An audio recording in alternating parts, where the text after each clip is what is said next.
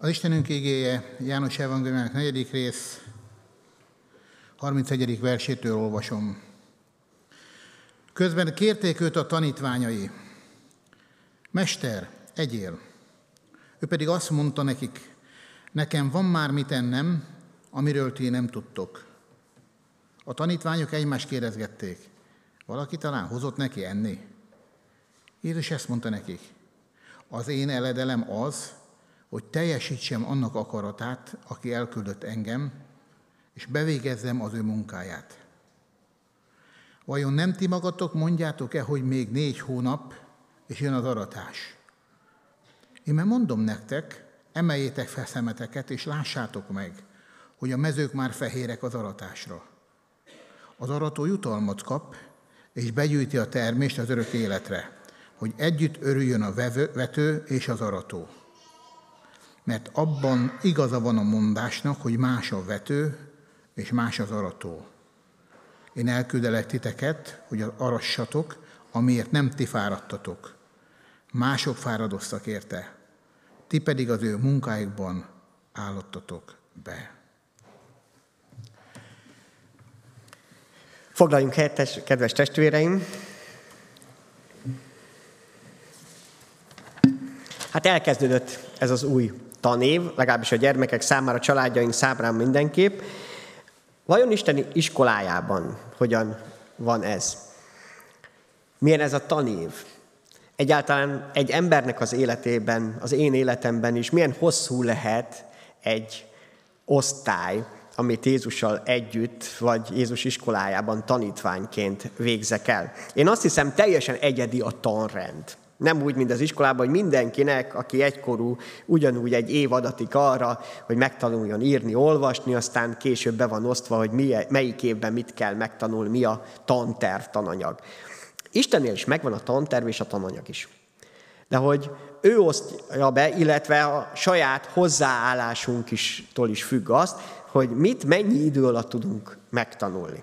Az ige beszél arról, hogy lehet, hogy már sokkal előrébb kéne tanul, tartanunk, már tanítóknak kellene lennünk, már rég föl kellett volna, mégis valahol megregettünk talán éppen az első osztályba, sőt, még előtte, az óvoda előtt a bölcsödébe.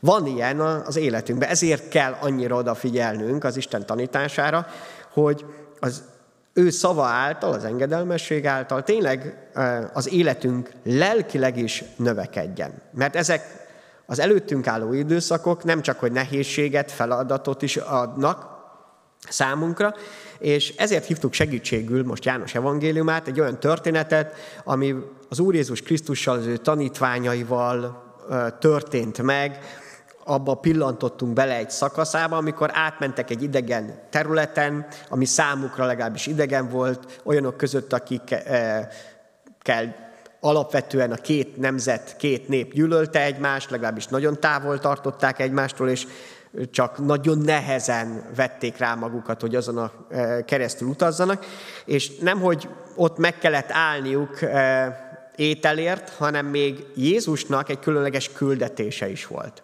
Egy asszony felé, akinek teljesen tönkrement az élete, mindenki már úgy tekintett rá, hogy nem lesz neki már semmi reménye, egyedül kellett, olyan időben ment el vízért is, hogy senki mással együtt ne legyen ott, amikor nem szoktak vízért menni, de így találkozott az Úr Jézus Krisztussal.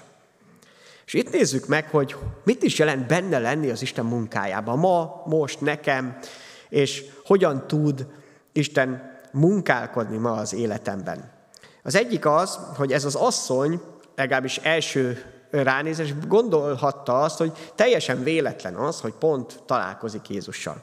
Ő még nem is ismerte, hogy kicsoda Jézus, csak találkozott egy ismeretlennel, akiről egyből kiderült, hogy a zsidó néphez tartozik, vagyis az ellenséghez, és ráadásul férfi, akivel nem illet, és nem is szoktak beszélni egyáltalán. A véletlen, a szerencse így hozta.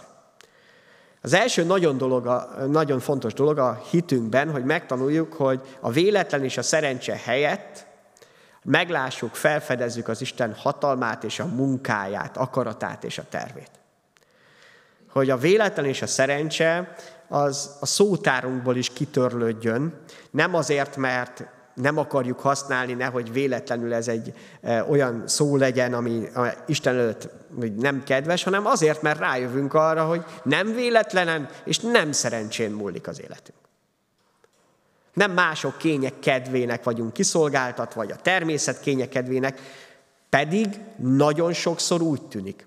És Isten nélkül egyébként így fogjuk fel az életünket. És aztán megpróbáljuk mi is alakítani ezt a véletlent, ezt a szerencsét, és igen, sok közmondásunk arról, hogy azért a szerencséhez e, nekünk is valamit tenni kell, és lehetne tovább sorolni. Isten igéje, Isten országa viszont azt tanítja számunkra, hogy amikor az Isten ott van az életünkben, a mennyei atyának a családjában lehetünk, akkor nem véletlenül szerencse irányít bennünket, sőt, mi tudunk alkalmazkodni, felfedezni Isten munkáját és akaratát és a, a tervét. Ez nagyon világos lesz majd a mennyből nézve. Akkor sok minden a helyére fog állni. Hogy is mondjuk, most még homályosan látjuk ezeket a dolgokat. Nem is értjük olyan um, néha még értelmezhetetlen is. Akkor világosan látjuk, de most hit által az, hogy bízok az Istenbe, és elhiszem neki, úgy mégis helyére kerülhetnek a dolgok. Nem azért, mert minden én pontosan tudok vagy értek, hanem azért, mert inkább az Istennek hiszek, mint a szerencsének, vagy a véletlenre fogom azt, hogy ez vagy az történt van. Nem. Sem a jó dolgok, sem a rossz dolgok. Persze, amikor rossz dolgok vannak, akkor úgy számon kérjük az Urat, hogy miért akkor úgy gondoljuk, hogy tényleg nem véletlen, tehát akkor Isten tehet róla, és akkor ez el is lehet mondani az Istenek. A jó dolgoknál ritkábban jut eszünkbe, hogy hoppát, ez az Istennek az áldása, és nem azért, mert annyira ügyes voltam, és hát ezt hívják hálaadásnak, ez az, ami az életünket többé tesz, teheti, amikor a háladással tele van az életünk. Nézzük is meg, hogy Isten igéje hogyan vezet ebbe bennünket. Példabeszédek könyve 16. rész 33. verse így szól. Az ember végzi a sorsvetést, de mindig az Úrtól való a döntést. Mivel néha tényleg így érezzük, hogy a sorsnak vagyunk kiszolgáltatva, megpróbáljuk ezt valahogy vagy irányítani, vagy használni is ezt. És azt, hogy nem is messze vagyunk ettől, az Isten igébe is látható, főleg az Ószövetség, volt sorsvetés. Olyan, amikor kiválasztottak, hogy ez vagy az, de nagyon fontos volt, hogy még a sorsvetésben is arra kérték, azért imádkoztak, hogy az Isten irányítsa ezt is. De azt is megtanulhatjuk Istentől, hogy ne a sorsra bízzuk magunkat, vagy a sorsvetésre, az Úrral. Őt lehet megkérdezni. Hogy mennyire így van ez, nézzünk bele a tanítványok életébe, akiket Jézus tanított. Miután Jézus feltámadta, mennybe ment, egy nagy kihívásuk volt, hogy Júdás helyére kikerüljön, és azt olvassuk az apostolok cselekedete elején, hogy imádkoztak azért, hogy kit választ Isten ki erre a szolgálatra 12-ként kilép be, és ezt imádkoztunk. Urunk, minden szívnek ismerje, te mutasd meg, hogy a kettő közül melyiket választottad magadnak, hogy megkapja ebben a szolgálatban, az apostolságban azt a helyet, amelyet Júdás elhagyott, hogy őt megillető helyre is, és mit tettek? Sorsot vetettek. A sors Mátyásra esett, és a 11 apostol közé sorolták őket. Sorsot vetettek, hogy ki lesz az. Az Isten akaratát keresték, de ők úgy látták, úgy érezték, nem véletlen, hiszen volt erre a törvényben is utalás, hogy sorsvetéssel válasszák ki. Nézzünk bele később, amikor kitöltetett a Szentlélek, és elkezdtek tanulni Istentől közvetlenül, akkor mit tettek? Egy pillanat felvétel az apostolok cselekedeteiről írt könyv 13. részében, Egyszer, amikor az Úrnak szolgáltak a gyülekezetben, és bőjtöltek, azt mondta a Szentlélek, válasszátok ki nekem Barnabást és Sault arra a munkára, mert elhívtam őt, akkor bőjtölés és imádkozás és kézrátétel után elbocsátották őket. Sehol nincs sorsvetés, sehol sincs e, valami neve kihúzása, még csak szavazásról sem volt szó, hanem a Szentlélek hangját, e, üzenetét értették meg, és erre figyeltek, és ezt követték, ennek engedelmeskedtek. Nem a sorsra bízták magukat, még csak nem is emberi döntésekre, hanem szentlélekre. Na ezen a folyamaton szeretne Isten átvezetni bennünket. Igenis lesz olyan, amikor még nehezen értem meg, érted meg az Isten tervét és az akaratát. De azt már kezded érezni, hogy minden területen érdemes behívni az Istent. És amikor el kell dönteni valamit, annak a segítségébe is. De Isten ennél többet is szeretne, hogy az ő szent lelkét azért árasztotta ki ránk, hogy megértsük az ő vezetését, hangját, az ő utasítását, nagyon sokszor éppen az ő igényén keresztül, amikor tudom azt, hogy valamit ő tett az életemben.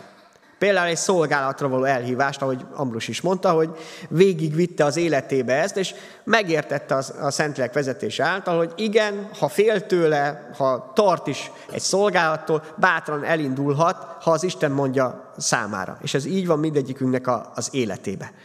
És hát itt jön azt, hogy kiben is bízunk igazából, amikor a hétköznapokban dolgozunk. Elmegyünk a munkahelyre, beülünk a kocsiba, vagy éppen tömegközlekedésre, tervezzük a következő hetet, hónapot, évet, mert kell terveznünk, mert beosztás szerint élünk. Mindig is így volt egyébként, ez nem a modern kor sajátossága, most az a különbség, hogy most a percre pontosan osztjuk be a, a napunkat, vagy a, az éveinket. De nézzük meg, hogyan is beszél erről Isten igéje. Jakab levelének a negyedik részében, ahol a gyülekezetet készíti e, Isten, ezt mondja. Most tehát, akik azt mondjátok, ma vagy holnap elmegyünk abba a városba, ott töltünk egy esztendőt, kereskedünk és nyereséget szerzünk, azt sem tudjátok, mit hoz a holnap.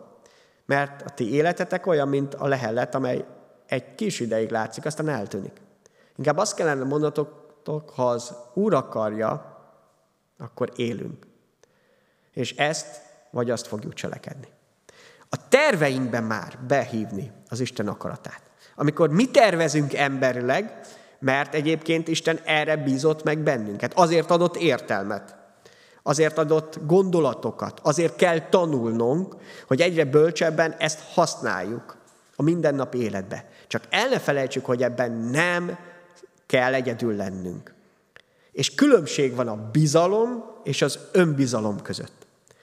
Az önbizalom arról szól, hogy én mit tudok megtenni, a bizalom pedig, amikor Istenbe bízok, akkor azzal együtt, hogy tudom, hogy Istentől kaptam felelősséget, én nem magamban bízom, hanem abban, hogy az Isten meg fog tudni áldani. Hogyha az Isten akarja és velünk lesz, akkor megáld bennünket. Mert hiába építem azt, ha az Isten nem fogja azt építeni. De pont az a lényeg, hogy ezt együtt tegyük meg. A hit erről szól, hogy most már nem egyedül dolgozom, nem egyedül nevelem a gyermekeket, nem egyedül megyek be a munkahelyemre, hanem Jézus Krisztussal együtt, a Szent Lélek jelenlétében. Nem egyedül. És nem egyedül kell csak terveznem. Nem vette ki sem a tervezést Isten a kezünkből, sem a cselekvést, a gondolkodást sem. Mindegyikben nekünk kell teljesen benne lennünk, de a hit arról szól, hogy behívom ebbe. Nem a véletlennek, nem a szerencsére bízom, hanem Isten munkáját szeretném felfedezni. És ennek a legnehezebb része, amikor az én tervem ütközik az Istenébe.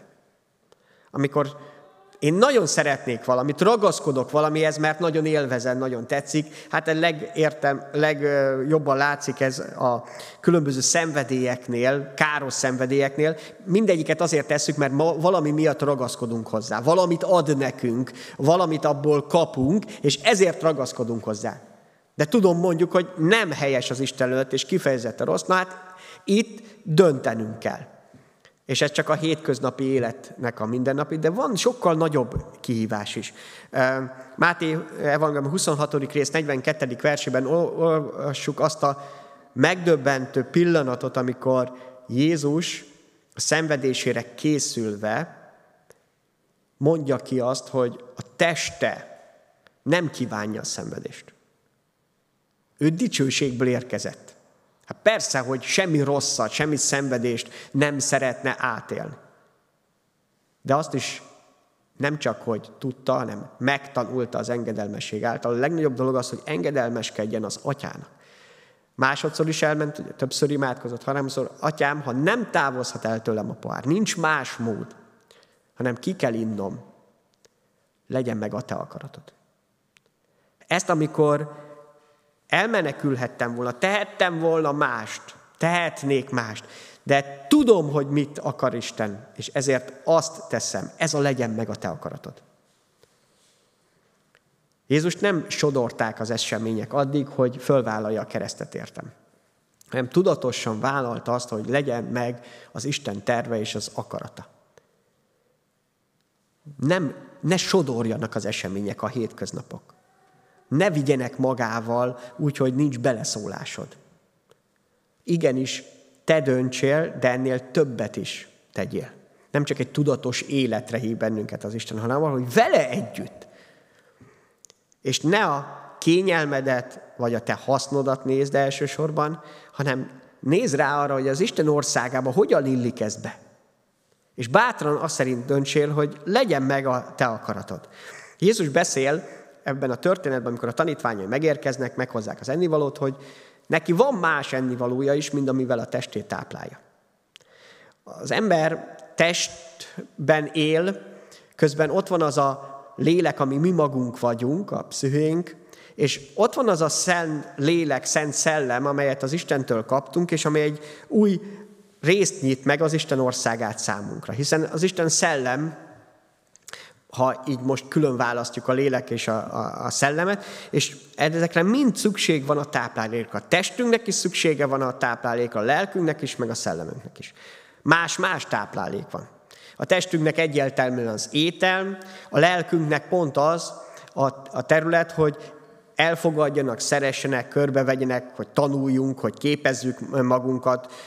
Mindaz, ami lelkileg erősíthet bennünket, függetlenül még a hitünktől, mind embereket, hogy az emberségünkbe több legyünk. De ez önmagában még mindig kevés a bűn miatt, hiszen Isten pont azért jött el, hogy az, ami meghalt bennünk, a vele való kapcsolatunk az helyreálljon. Újra ez a szellemi rész is ott legyen az életünkben, és azt, amikor fölfedezzük, hogy a szellemünknek, így az életünk legbelsejének is szüksége van valami erősödésre, táplálékra.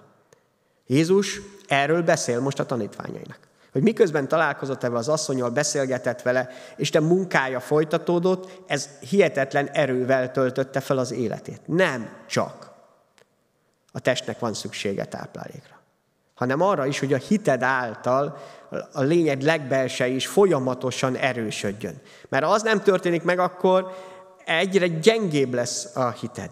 Az egyik ilyen táplálék, amiről biztosan beszél a Biblia, az Isten üzenete.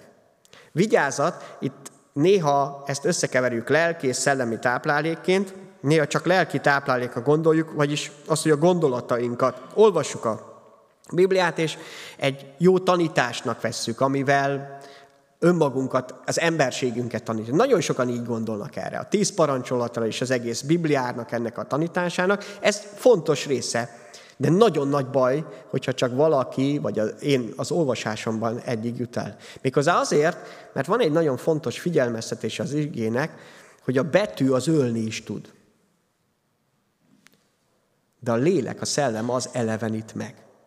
Nem lehet megállni a szavaknál, hanem sokkal többet akar. Isten azt akarja megmutatni, amikor Bibliát olvasunk, Isten igét olvasunk, hogy mi az ő üzenete. A Szentlélek az, amely segítette leírni az Isten igének az üzenetét több év ezreden eh, keresztül, vagy évszázadon keresztül, és ő az, aki segíti megérteni is számunkra. Hogy ne csak betűk legyenek, ne csak szavak, olyanok, amik tönkre tehetnek életeket, mert sokat tönkre, ha lélek nélkül tettük. Nézzük meg Pál apostolnak az életét, amikor farizeusként szolgált az urat, ismerte Isten igét. Konkrétan szó szerint ismert, rengeteg Zsoltár tudott, a profétákat ismert, a törvényből kívülről tudta idézni.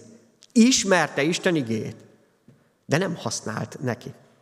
Még hitt is Istenben, a mindenhatóban, az örökké valóban, csak pont ellene dolgozott. Az ellen, ami valóság.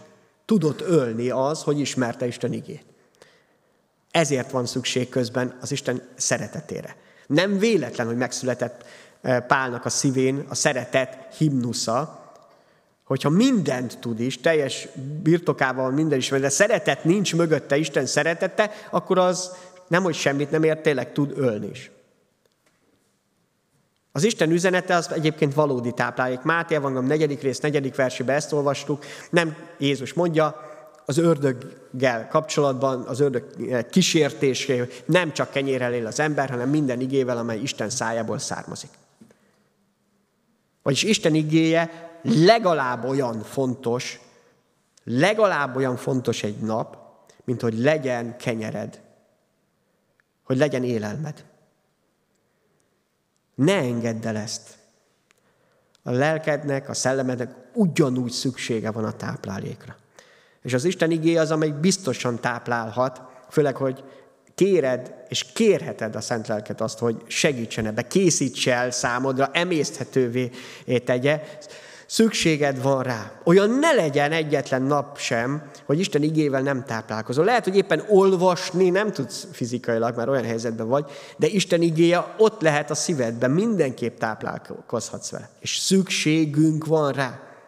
Ha erőben akarsz lenni, erővel, hittel akarsz munkálkodni, a munkához mindig kell megfelelő fizikai erő, akkor táplálkoznod is kell. Legtöbbször azért nem végzünk lelki szolgálatot, mert nincs hozzá erőnk. És azért nincs hozzá erőnk, mert nem is táplálkozunk. Ha meddig nem táplálkozunk, semmilyen erőnk nem lesz a szolgálat. Ez egyenes összefüggés. Olyan nincs, hogy valaki tud nagyokat szolgálni az Isten országában, és nem táplálkozik az Isten szavával, az Isten igével. Nem lehet.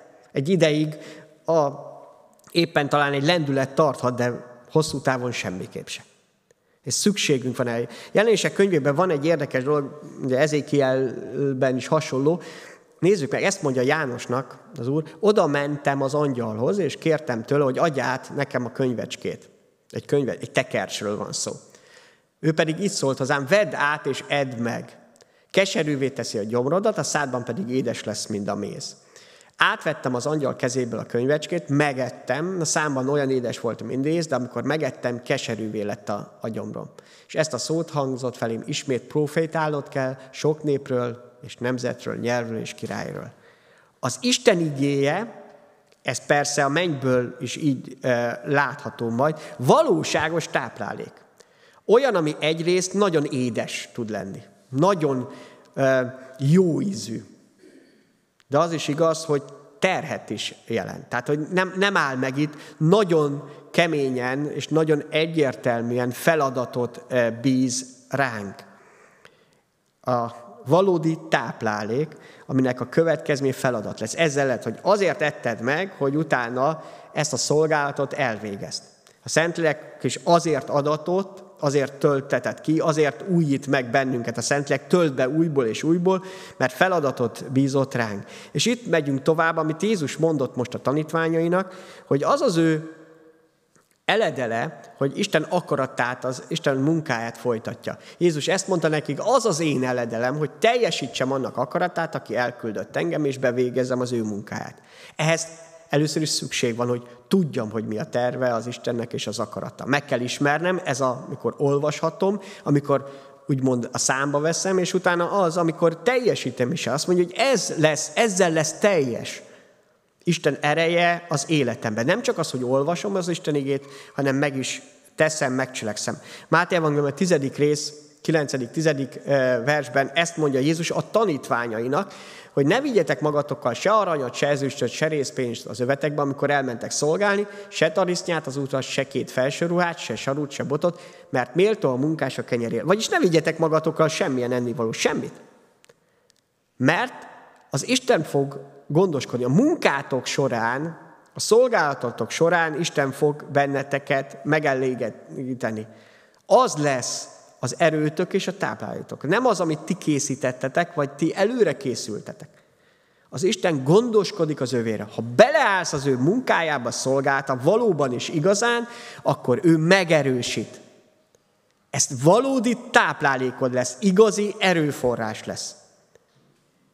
Sokkal nagyobb egyébként, mint bármi más, és látható, hogy aki ezbe beleáll, azt meg is tette. A mindennapi kenyér, a mindennapi szolgálatunk is egyben. Azt imádkozzuk, azt tanultuk az imádságban, amit el fogunk majd mondani együtt is az úrvacsora után, Máté van 6. Jöjjen a te országod, a mennyei atyáé, legyen meg a te akaratod, mint a mennyben, úgy a földön is, a mindennapi kenyerünket ad meg nekünk. Ezt külön választjuk általában. De ez nem véletlenül van együtt és egy imádságban. Itt nem csak a hétköznapi kenyerünkről van szó, hanem itt mond, megismerjük a te akaratodat, igen mondunk rá, beleállunk, és ennek a következménye a következő, hogy ezáltal táplálj bennünket. A mindennapi kenyerünket, a testünknek is, de a lelkünknek, a szellemünknek is. Vagyis szükségünk van az, hogy minden nap dolgozzunk magunkért, a családunkért, és azért is, hogy Isten szolgálta benne vagyunk, mert ez a kettő egybe van, hiszen ez az Isten terve és akarata az is, hogy a te családodról gondoskodjon, rajtad keresztül is, másrészt pedig abban a munkában, szolgálatban benne légy, amire megszülettél. Az ember és az isteni gondolkodásnak nagyon különböző részei lehetnek, nagyon eltérhet egymástól. És ez okozhat bennünk gondot hívő emberekben. Mert az, hogy aki nem hisz Istenben, nem gondolkodik bele, az egyértelműen, hogy, hogy ettől eltér. De mi van akkor, amikor a saját életünkben lehet benne? Amikor a, az emberi dicsőség, vagy az Isten dicsőítése jön elő. Máté Evangélium negyedik részéből, a, megint csak idézve a, a megkísértést, majd magával vitte az Úr Jézust az ördög egy igen magas hegyre, megmutatta neki a világ minden országát és azok dicsőségét. És nézzük meg, mit ajánlott neki. Ezt mondta, mindezt neked adom, ha leborulva imádsz engem. Akkor így szólt hozzá Jézus, távozz tőlem, sátán, mert megvan írva, az Urat, a te Istenedet imád, és csak neki szolgálj. Azért ez döbbenetes, hogy látni, hogy vagy a saját dicsőségemet keresem, az emberi dicsőséget, és ezzel, ha nem is veszem észre, de az sátánnak fogok szolgálni, az ördögnek. Vagy az Istent dicsőítem az életemben. Nincs más út. Nincs úgymond emberi út. Az ördög ezzel akarta elcsábítani. Hogy ez a dicsőség ott legyen. Annyira vágyunk a dicsőségre egyébként. Nem véletlen. Ez azért van, mert az Isten képére teremtettünk. De Isten nélkül ez komoly bűn lesz az életünkben. Egyrészt az Isten dicsőségét vesszük ezt el, amikor Isten nélkül akarjuk meg. Én nem rávárunk, hogy ő dicsőítsen meg bennünket. Jézus az atya fia. Bejárta ezt az utat. Eljött a mennyből. És nem vitte, hozta magával azt a dicsőséget, ami ott volt, hanem elindult a legmélyebbről a szegénységből, az egyszerűségből, az alázat útján, és megvárta, amíg az Isten, az engedelmesség által Isten megdicsőíti. Ha neki ez volt az úgy, ne higgye azt, hogy nekem már más utam lesz. Hogy nekem jára az emberek dicsőítése és dicsős, ö, dicsérete. Pedig mennyire vágyunk erre. Annyira meg tudunk sértődni, hogy egy-egy szolgálat után, egy-egy jó téteményünk után nem elég hálásak az emberek. Nem dicsőítenek bennünket, vagy nem mondják azt, hogy hú, ez nagyszerű, sőt.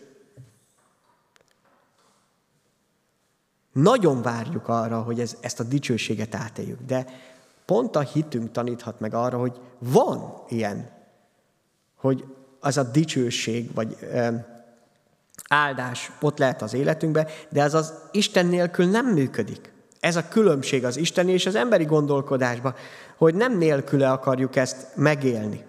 És igen, pont ebből látszik, hogy jó szándékból is eltévejedhetünk. Ugyanazt, amit Jézus a sátánnak mondott, ugyanazt később Péternek kellett majdnem szó szerint elmondani. Máté Evangélium 16. részében ezt olvassuk. Ettől fogva kezdett Jézus nyíltan beszélni a tanítványok arról, hogy Jeruzsálembe kell mennie, sokat kell szenvedni a vénektől, főpapoktól, írástudóktól, meg kell öletnie, de harmadnapon fel kell támadnia. Péter ekkor félrevonta őt, és feddeni kezdte. Isten mentsen meg, Uram, ez nem történhet meg veled. Ő pedig megfordulva ezt mondta Péternek, távozz tőlem, sátán, kísértesz engem, mert nem Isten akaratára ügyelsz, hanem az emberére. Péternek ezt kell mondania, Jézusnak ugyanazt, mint amikor Jézus megkísértette az ördög. Távozz tőlem, sátán. Milyen szándékból beszélt Péter? Nem volt benne gonosz szándék. Nem rosszat akart Jézusnak, hanem a legjobbat, hogy nem történhet meg veled, Uram.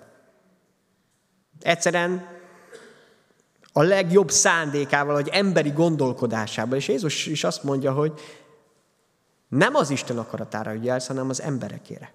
Figyeljetek, távozz tőlem sápatálom, az emberekére figyelsz. Amikor emberek akaratát nézzük az Isten helyett, akkor a sátán kezére játszunk. Minden esetben. Mert nincs más út. Mi azt hiszük, hogy ó, ez csak emberi dolog. Ez, ebben semmi probléma nincs. Nagyon komoly problémák lehetnek. Tönkrehetetjük akár a saját életünket, másoknak a, az életét. Hát Péternek a szavait, amit elmondott, menjünk a 22. verse vissza, vagy Máté 16-22-re. Azt lehet teljesen még úgy is venni, hogy Isten mentsen, Uram, ez nem történt meg, hogy de szeretsz engem, Péter. Hát ezt kívánod. A legjobbat szeretnéd nekem. Hiszen ebbe az, hogy Isten mentse meg, Uram, ez nem történhet meg veled, ez olyan féltő gondoskodás. De nem ez történt, mert ez szembe ment teljesen azzal a tervel, amit az Isten terve volt, amire Jézus azt mondta, vért verejtékezve, hogy legyen meg a te akaratod később, és előtte is. Amikor az Isten munkájától pont az emberi félelmünk vagy féltésünk akadályoz meg bennünket, vagy éppen másokat is, az az ördög munkája. És itt ez nem ilyen határ eset, hanem pont az, hogy vagy az Istennek engedek, vagy az embernek. Egy életünk van, és ezért nem mindegy, hogy ebből az élettel mit teszünk. Lukács a 12. részében egy gazdag embernek egy jól sikerült éve után láthatjuk ezt a gondolatot. Én lelkem sok javad van, sok évre félretéve, pihenj, egyél, igyál és vigadozzál. Isten, a, Isten azt mondta neki, bolond még az éjjel elkérik tőled a lelkedet, ki lesz akkor mindaz, amit felhalmoztál. Így jár az, aki magának gyűjt, és nem az Isten szerint gazdag. Egy életed van, egyszer tudsz gyűjteni. És lehet, hogy a testünkben ott van ez a vágy, hogy bárcsak sok pénzt keresnénk, hátradőlhetnénk, nem kéne keményen dolgozni, hajnalba kelni, késő este feküdni, gürcölni minden nap, hanem én is, mi is élhetnénk azt a kényelmes, kedves életet, hogy van elég pénzünk, nyugodtan mindent megvehetünk a boltba, amit csak szeretnénk, nem kell aggodalmaskodni azért, hogy lesz-e elég pénzünk majd a hétre, meg arra, amire szükségünk van, vagyis hátradőlhetnénk. És ennek a gazdag emberek megadatott ez. És azt mondta, hogy ezt lehet élvezni, ezt az életet. Nem volt bűn benne, nem valami bűnös dolgokat tett. Egyedül az, hogy pont az Istent hagyta ki ebből. Hogy egyrészt ő adta meg számára ezt a gazdagságot, ezt a lehetőséget, azért, hogy ebben tudjon szolgálni. Nem csak magának, hanem akár másoknak is. És igen, lesz pihenésünk. Lesz megnyugvás az életünknek, a lelkünknek, a szellemünknek. De az az Istennél fog teljesé lenni. Most az az ideje van, hogy kemény munkával kell magunkról is, és másokról is gondoskodni. Közben pedig élvezni a pihenés idejét is, és a hálaadásnak is az életét. Egy életed van, amit itt elszalasztok, azt nem tudom visszahozni. Most viszont még van lehetőséged, ma is, meg holnap is. Ez a nagyszerű dolog, hogy Istennél van lehetőség akár újra kezdeni. És János Evangélium 4. rész 35. versben azt mondja Jézus a tanítványainak, hogy emeljétek fel a szemeteket. És lássátok meg, hogy a mezők már fehérek az aratásra. Miközben azon gondolkodtak, hogy négy hónap múlva lesz csak az aratás. Vagyis még ott van ez a jó pár hónap, egy harmad év, amíg majd aratás lesz. Hányszor van így, hogy körbenézünk, látjuk a munkatársainkat, a szomszédainkat, hol van itt az, hogy ők készek legyenek megérteni az Isten dolgait? Hát még vetése volt. Hol lehetne itt aratásról beszélni? Vagy hogy, hogy azt nézni, hogy környezetem kész arra, hogy az Isten dolgait valahogy megértse. Dehogy is. Minden csupasz, még szá, kisen sarjadt a vetés. Majd négy hónap múlva, majd egyszer, majd ha ez meg az lesz. Emberileg így tudunk gondolkodni. És azt mondja Jézus, hogy lehet az Isten szemével is látni. Azért mondja, hogy emeljétek fel a szemet. Nyissátok ki a szemeteket. Nyissátok ki az, arra, amit az Isten láthat. És azt mondja, hogy meglátjátok azt, hogy egészen más a tényleges valóság, mint amiről ti gondolkodtak. Ott éltek egy utcában, egy házban, egy háztömbben, egy munkahelyre jársz, és más lát az Isten, mint amit te látsz benne. És azt mondja, hogy szükség van, hogy kinyisd a szemedet. Hogy ne emberi dolgokat lássál ebbe csak, és azba gondolkodja, mert azt jól megtanultuk, hanem lásd meg azt, hogy érettek a mezőgazdagatás. Igenis, feladatod van ebben. Egy semmire kellő, legalábbis sokan, legtöbben így gondoltak benne, reménytelen asszonyjal találkozott Jézus. Egy gondolkodtak róla az emberek. Magáról is így gondolkodott ez az asszony, hogy, hogy nincs tovább. Már ötödik férje volt, vagy az se volt teljesen. Nem e, mutatkozhatott nyíltan másokkal együtt. Semmi. Reménytelen. Szerinte, meg mások szerint is. De az Isten szerint nem. Az Isten szerint érett volt az aratása. Hogy lehet ez, hogy ek- ekkora tévedünk emberileg? De nem is ez a kérdés, hogy tévedhetünk, hanem hogy tudjuk azt, hogy nem emberileg kell gondolkodnunk. Nem emberi stratégia kérdése ez, hanem ez, ez maga az Isten országa. Sámuel könyvében olvassuk azt, amikor Sámuel Saul után királyt kell, hogy fölkenjen, és eljut Dávid családjához, és ezt olvassuk, de az Úr ezt mondta Sámuelnek, mert látta Dávid bátyjait, és egyből úgy gondolta, hogy megtalálta a királyt ne tekints a megjelenésére, se termetes növésére, mert én megvetem őt. Mert nem az a fontos, amit lát az ember, az ember azt nézi, ami szem előtt van, de az Úr azt nézi, ami a szívben van. Dávid bátyai harcosok voltak. Később ott látjuk Góliát elleni küzdelemben is, tehát nem egy e, nyúlszívű emberek voltak.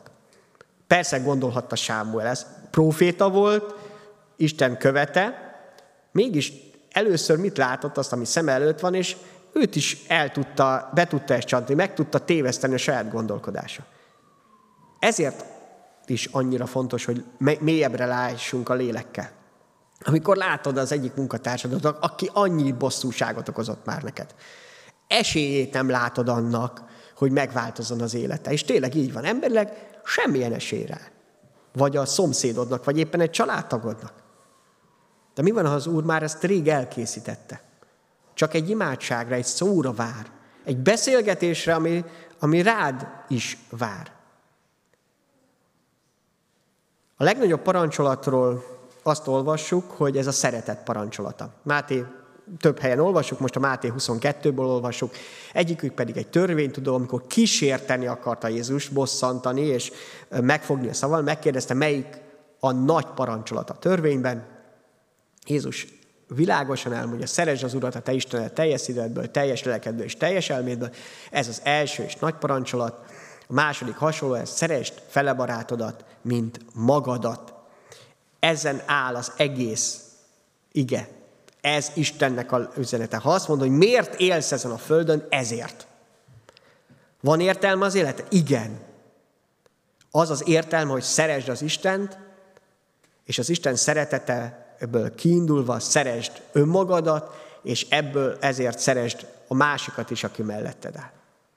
Mert az Isten szeret téged is, és őt is. Ez, az, ez a küldetésünk. Ez az én küldetésem a teid. És ez volt Jézus Krisztus és ehhez hív vissza bennünket a kereszt. Hogy ne önző életünknek, ne a gyűlöletünknek, ne a haragunknak, ne az okoskodásainknak éljünk, a bölcselkedéseinknek, az emberi gondolatunknak, hanem az Istennek. Ehhez a szeretetet szívott vissza. És hogy mennyire szeretem a családtagomat, a szomszédomat, a munkatársamat. Pontosan annyira, amennyit küzdesz értük az Isten előtt. Pontosan annyira. Ha semmennyire, akkor nem szereted őket. Mondhatod, hogy nagyon szereted őket, de nem szereted őket. Ne csap be magadat. Akkor egyszerűen magadat szereted, csak sem az Isten, sem őt nem szereted. Meg, legfeljebb kihasználod őket, illetve hát használod azt az emberi logikát, ha jobb vagy valamennyire, hogy ő is segít nekem, meg én is segítek valamennyit. Amennyit imádkozol értük, amennyit közben jársz, amennyi Isten által kapott szeretetet adsz nekik, annyira szereted őket. Pedig erre lettél elhívva. Mit tett Jézus? Istentől megkapta azt a szeretetet, hogy átlépje azt a határt, hogy egy nővel beszéljen, ez ma nem nagy dolog, akkor hatalmas dolog volt. És ráadásul egy olyan ö, nővel, aki egy másik néphez tartozott, aki gyűlölték egymást. Ő félretette ezt az Isten szeretetével. Át tudta ezt lépni. Meg tudta őt szólítani. És az Isten szavát, szeretetét tudta a szívébe venni. Jézus nem tett érte, nem adott neki pénzt. Nem adott neki új férjet, legalábbis attól. Nem adott neki még csak vizet sem. Semmilyen fizikai szükségét nem tudta betölteni. De életet adott neki. Új életet, reményt és jövőt, ami megváltoztatott mindent, mert belül indul ki minden. Attól, hogy valakinek van elég ennivalója, az fontos, hogy életben maradjon a teste. De még a lelke, a jövője nem menekült meg. Szeretem-e annyira családtagjaimat, szomszédaimat, munkatársaimat, hogy küzdjek értük. Hogy kész legyek az aratásba beállni. Az aratás, és akik arattak, főleg kézzel, mert itt az az időszak, tudják, hogy az egyik legnehezebb fizikai munka. Rengeteget kell inni emiatt. Én már csak abban az időben kapcsoltam be, amikor kombányokkal arattak, és vittük gyerekként a, a vizet ki a, az aratóknak, de az már egy másik időszak volt. De az aratás, amiről itt Jézus beszél, az nagyon fárasztó munka. Az egyik legfárasztóbb. Hőségben, nehézségben és porban, mindennek kell küzdeni. De az egy csoda dolog, amikor mégiscsak az érett termést be lehet gyűjteni. És Jézus még azt mondja, nem kellett mindenért fáradoznotok, nem nektek kellett mindent megoldani. Mások dolgoztak, és ti csak beleálltok egy részébe ennek. Még csak azt se higgyük magunkról, hogy hú, de nagyon nagy dolgot tettünk ezzel. Viszont Isten erre hogy szeres. A mi aratásunknak az alapja, a sarlónknak, vagy a kaszánknak, akkor sarló volt elsősorban, nem más, mint Isten szeretet. Nem a te szereteted, hanem az Isten szeretete. Ez jelenti azt, hogy benne lenni az Isten munkájában. És miközben ezt a Isten szeretetnek sarlóját használod, akközben az a csoda ér, hogy közben te erősödsz meg. Te kapsz táplálékot felülről. Mert mit mondod, hogy méltó a munkás a maga bérére? Egy aratónak azok, akik megfizették, vagy a családja, vagy ahogy tartozott, azok adták az élelmet, meg a bért is neki. Amikor az Isten munkájában van, akkor az Isten táplál. Abban a pillanatban, amikor az ő szolgáltában, ő fog táplálni a lelkedet, a szellem, mert egyszerűen szükséged van rá, és ő pontosan tudja. Ha ebből kimaradsz, az isteni táplálásból is, e, e, eledelből, erősítésből is kimaradsz. De Jézus arra hívott el, hogy ezt tanuljuk meg. Hol is kezdtünk? Új tanév, meddig tart a te életedben az az első lecke, amikről Angelo is beszélt, a megbocsátás, hogy elengedjem a tartozások, mert addig nem tudok szeretni. Képtelen leszek szeretni. Amíg harag van a szívemben, nem elengedett, meg nem bocsátott dolgok, azért nem lehet tovább menni, ezért mondja az ige is, hogy az alapimádságunkban, hogyha mi nem bocsátjuk, meg nem tudunk tovább lépni, addig szeretni sem fogsz tudni. Nem tudsz, képtelen leszel. Emberileg igen, korlátok között, de az Isten szeretete nem tud teljes lenni. Viszont az aratás a szeretetről szól. Abban nem megy másképp. Az úrvacsorában arra hívunk mindenkit, hogy elfogadjuk Isten kegyelmét, szeretetét, hogy ő megbocsátott, és közben újból kimondjuk azt, hogy megbocsátok én is. Ugye mi nem tudtuk helyrehozni a bűneinket. Nem azért bocsátott meg Jézus, mert mi úgy mindent rendbe raktunk és helyrehoztunk, hanem azért, mert szeret bennünket, és Jézus Krisztusban ennek az árát megfizette. A megbocsátásnak ára van az fizet érte, aki megbocsát. Aki megbocsát. Mert elengedek valamit a másiknak. De ez az isteni szeretet. Esélyt adni, hogy énekeltük, esélyt adni a másikra. A szomszédodnak, a munkatársadnak.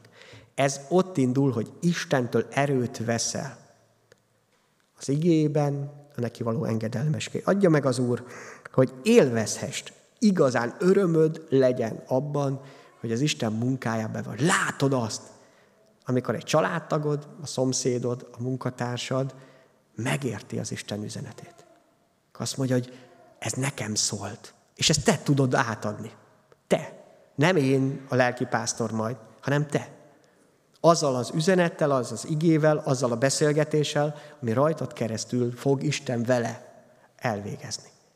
Használjon ebbe bennünket az Úr. Amen.